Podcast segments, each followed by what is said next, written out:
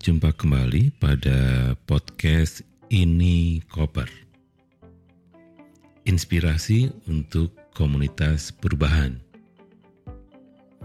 Saya Dani Wahyu Menggoro dari Inspirasi Tanpa Batas atau Inspirit.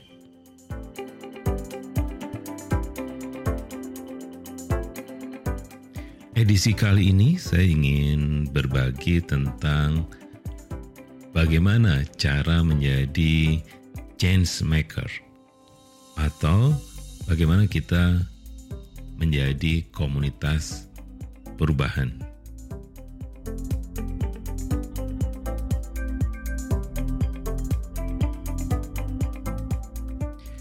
Ya, sebenarnya di dalam kehidupan sehari-hari kita bisa memilih ya menjadi pemimpin atau menjadi follower.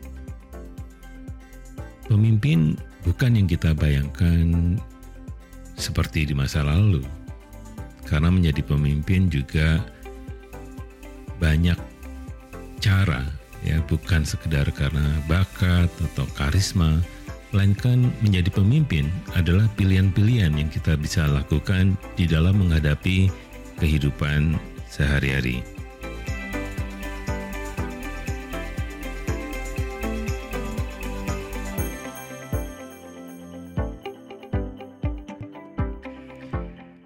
Seorang pemimpin mau tidak mau adalah juga seorang petualang.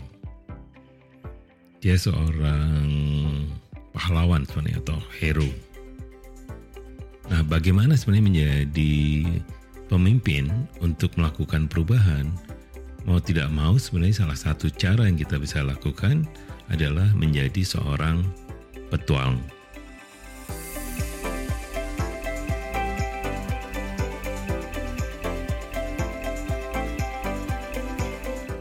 Semua dari kita suka berpetualang. Ya waktu kecil, waktu muda, ya saya sendiri selalu mencoba melakukan sesuatu hal yang baru ya. Mulai dari naik gunung, bersepeda, naik sepeda motor, dan juga jalan kaki pernah juga untuk menemukan jalan-jalan yang baru. Dan kita bisa merasakan bahwa petualangan sebenarnya bukan sesuatu yang ada di skenario.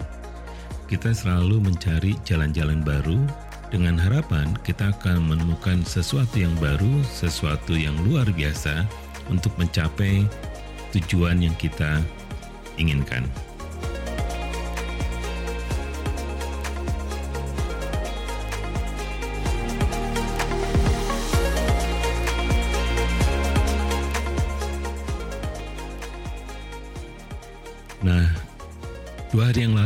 Saya ter, terinspirasi dari sebuah film Taiwan. Judulnya Newton. Ini sangat menarik karena membawa saya kepada keinginan untuk kembali berpetuang. Ya jadi salah satu yang kita bisa belajar ya dari film Korea ini yang mengisahkan tentang anak-anak muda yang mencoba keliling Taiwan dengan naik sepeda. Saya sendiri awalnya menonton film ini hanya ingin melihat pemandangan di Taiwan karena yang saya tahu sebelum Yasmi yang lalu saya juga cerita dengan kawan Petra Kareci yang bercerita bahwa ada kaitan antara banyak kebudayaan di Indonesia dengan Taiwan. Saya juga pernah nonton di beberapa channel televisi itu juga menceritakan beberapa kesamaan antara Taiwan dan Indonesia. Film ini menarik sebenarnya adalah untuk mengambil satu poin. Yang pertama, apa yang memanggil mereka untuk berpetualang? Sama, kalau kita ingin menjadi change maker atau pemimpin, mau tidak mau, awalnya adalah apa yang memanggil kita dari kehidupan sehari-hari yang rutin. Selalu ada seperti itu kan? Oleh karena itu pertanyaan pertama adalah apa yang sedang memanggil, manggil untuk lakukan sesuatu yang baru. Nah, di sini yang penting sebenarnya adalah bagaimana perasaan kita, apa yang kita suka, apa yang kita tidak suka, itu menjadi sesuatu yang memanggil kita. Boleh jadi misalnya 30 tahun yang lalu, saya dipanggil untuk bisa terlibat di dalam kegiatan yang kaitannya dengan lingkungan dibandingkan dengan profesi yang sedang saya tekuni pada saat itu.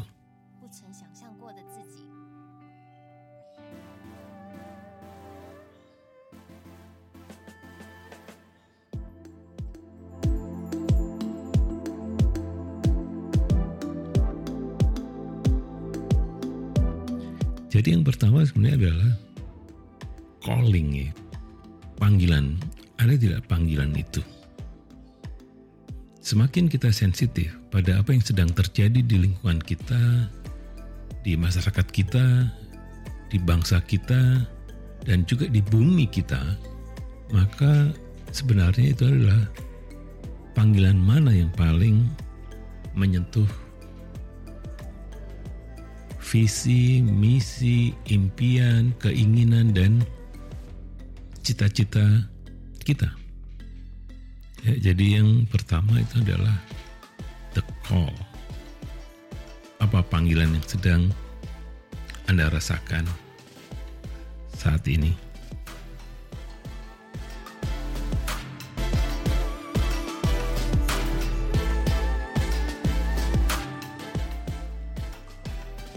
Nah, yang kedua itu adalah biasanya yang kalau sudah kita ada panggilan seperti juga di film Newton ini kita mengalami apa yang disebut dengan resisten. Kita menolak ya karena itu sesuatu yang baru kan. Ya misalnya cerita anak-anak muda ini dia ada panggilan untuk menemukan jati dirinya untuk yang pertama kali kawan-kawannya itu juga menolak. Kenapa harus naik sepeda? Kenapa nggak naik mobil atau naik bus atau naik kereta? Kenapa harus bersepeda? Ini yang menarik kan bahwa pada saat panggilan itu muncul, itu mau tidak mau sebenarnya kita juga tadi ada apa, penolakan ya untuk panggilan itu. Jangan-jangan saya tidak mampu. Jangan-jangan nanti kalau ada halangan gimana? Kalau ada badai gimana? Kalau tadi jalanan macet gimana? Dan seterusnya. Bagaimana caranya kita nanti tidur? Kalau tidak ada misalnya hotel di perjalanan dan dan sebagainya. Sama. Menjadi chance maker ketika kita sudah terpanggil kita pasti ragu-ragu. Apakah benar jalan ini bisa memperbaiki keadaan misalnya? Bagaimana dengan nasib saya?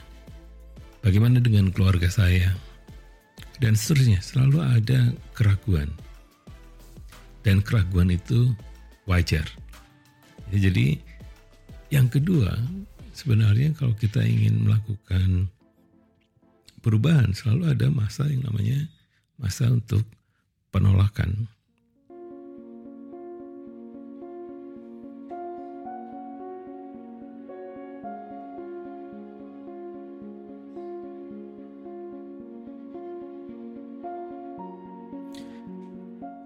Di dalam tahapan ini, mau tidak mau kita harus fokus pada kekuatan yang kita miliki. Kemudian juga kita mulai membayangkan apakah kita butuh bantuan dari orang lain. Kalau orang lain juga siapa yang akan membantu kita sebenarnya? Seperti juga di film Newton. Ya, Alan tokohnya ketika memutuskan untuk naik sepeda, sebenarnya di bayangannya adalah bersepeda sendirian. Dia harus beli sepeda dulu di di Taiwan karena sebenarnya tinggalnya di Hong Kong. Dia ingin mencari saudara kembarnya sebenarnya. Tetapi saudara kembarnya tidak merespon surat-surat elektronik yang dikirimnya. Jadi dia memutuskan untuk melakukan perjalanan sendiri.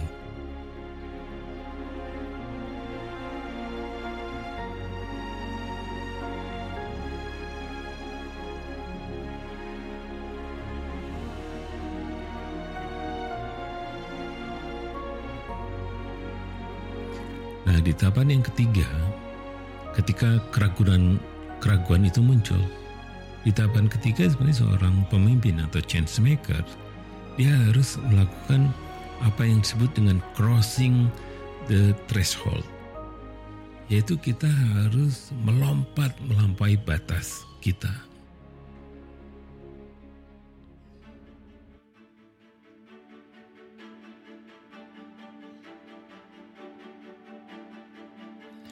Nah, di sinilah sebenarnya kita harus mulai menemukan apa yang saya sebut sebagai suara jiwa.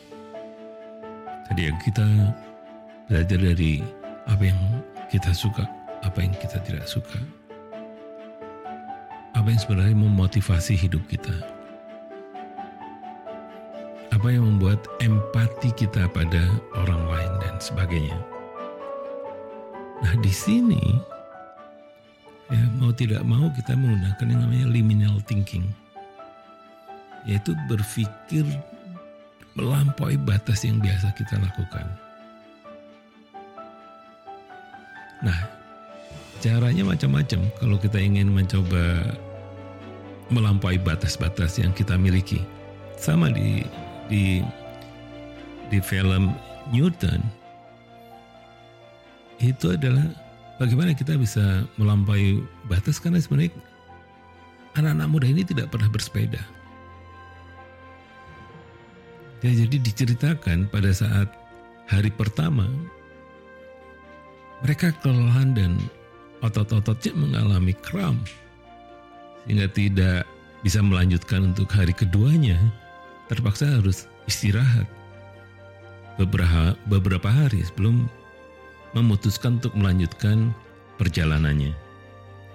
Nah, di sini ya untuk crossing the threshold atau melampaui batas itu ada beberapa cara. Yang pertama adalah yang orang-orang sebut sebagai the baby steps.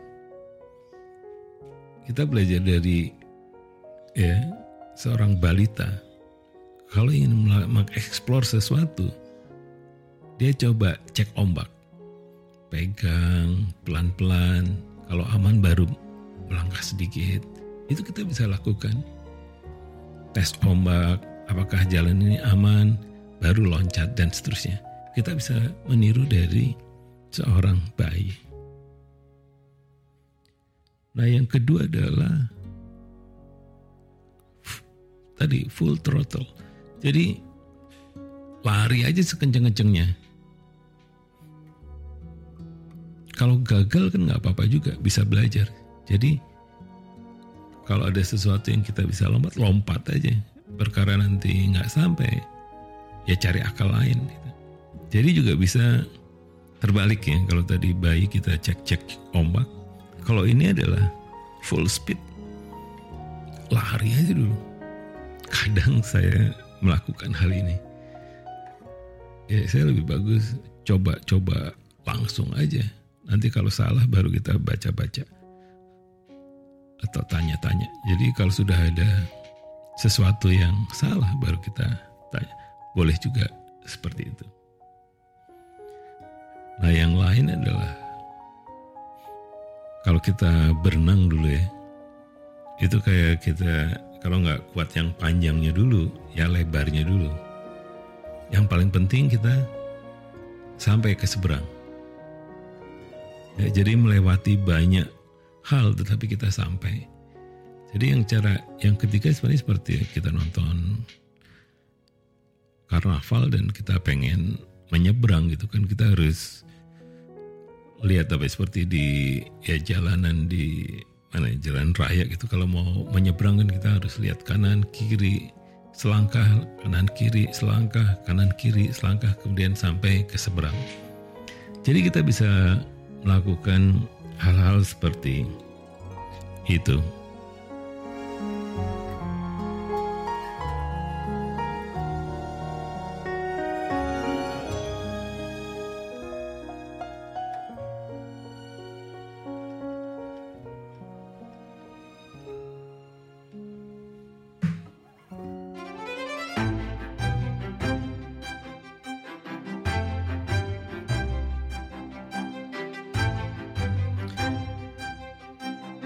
Nah berikutnya adalah mau tidak mau tahapan berpetualangan sendiri yang paling keren kan ya jalanin aja gitu.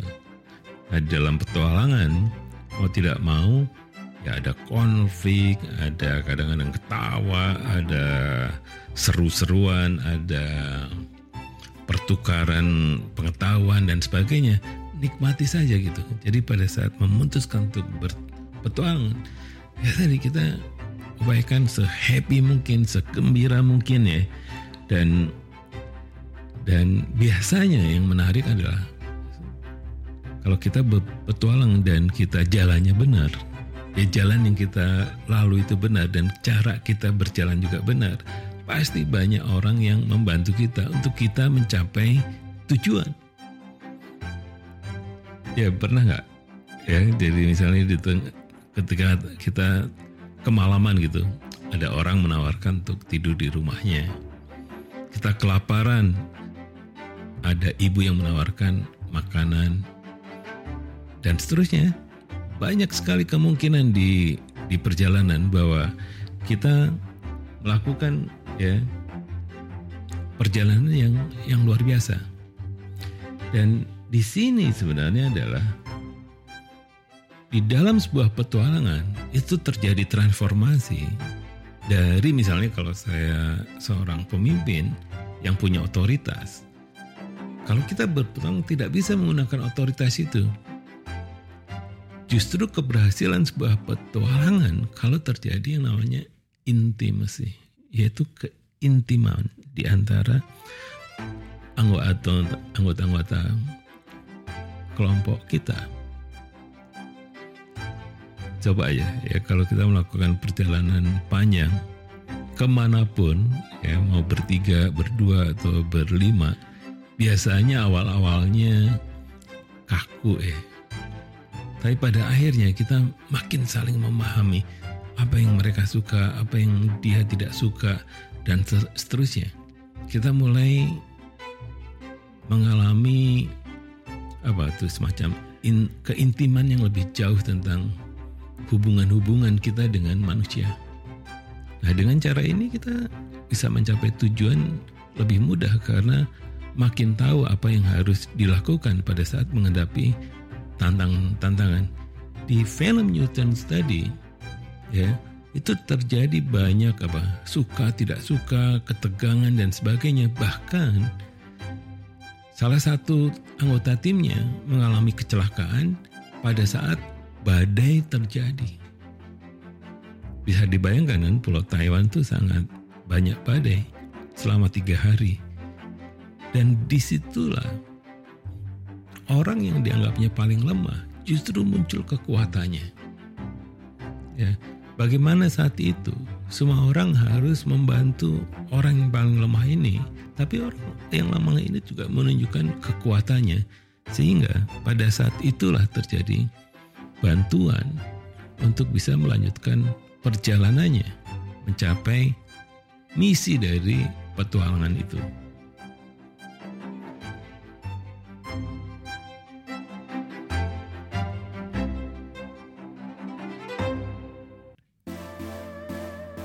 Nah, yang terakhir sebenarnya adalah yang disebut the supreme,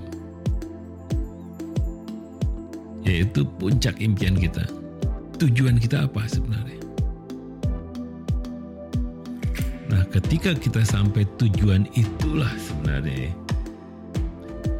kita mengalami apa yang kita sebut perubahan-perubahan yang penting. Baik secara pribadi, secara tim, maupun bahkan masyarakat yang lebih luas. Jadi di film Newton ini, di akhir filmnya ya diceritakan bagaimana mereka bertemu dengan masyarakat adat atau indigenous people yang kemudian memberikan pelajaran yang luar biasa tentang perkawanan, tentang impian, tentang kehidupan, tentang kematian, tentang bagaimana sebenarnya kita membangun dunia yang menjadi lebih baik. Dan bahkan yang luar biasa, hal-hal yang menjadi sesuatu yang tidak mungkin itu menjadi sebuah hasil yang luar biasa. Nah, di akhir cerita film ini, empat anak muda ini mengalami transformasi yang luar biasa. Mereka bisa membuang masa lalunya, bisa menemukan kekuatan dirinya, ada sebagai apa? Pembuat kopi, ada sebagai guru, ada sebagai instruktur penyelaman, ada ada sebagai juga penulis. Ini luar biasa karena pada akhir sebuah misi perubahan sosial ini bukan sekedar masyarakat yang berubah, tetapi juga kita sebagai pribadi itu mengalami pengkayaan-pengkayaan yang luar biasa.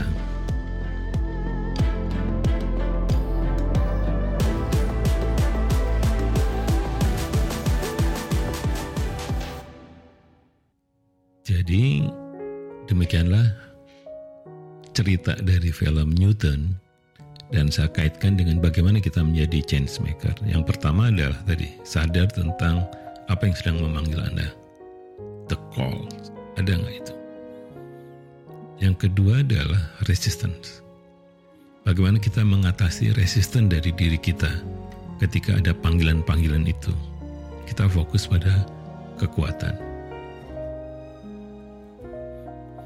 Kemudian yang ketiga tadi ya kita lihat sebenarnya adalah bahwa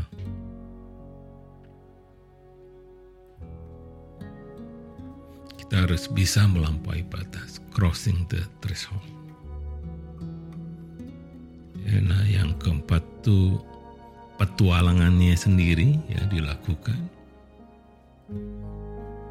Dan yang terakhir adalah bagaimana kita mencapai impian, ya, the supreme, mencapai impian akhir dari apa yang sedang kita coba. Dan kita tidak akan pernah berhenti sebelum mencapai tujuan akhir itu. Jadi demikianlah ini koper edisi kali ini. Kami percaya bahwa berbagi apa pun di dunia digital ini akan selalu bermanfaat. Sampai jumpa pada edisi berikutnya.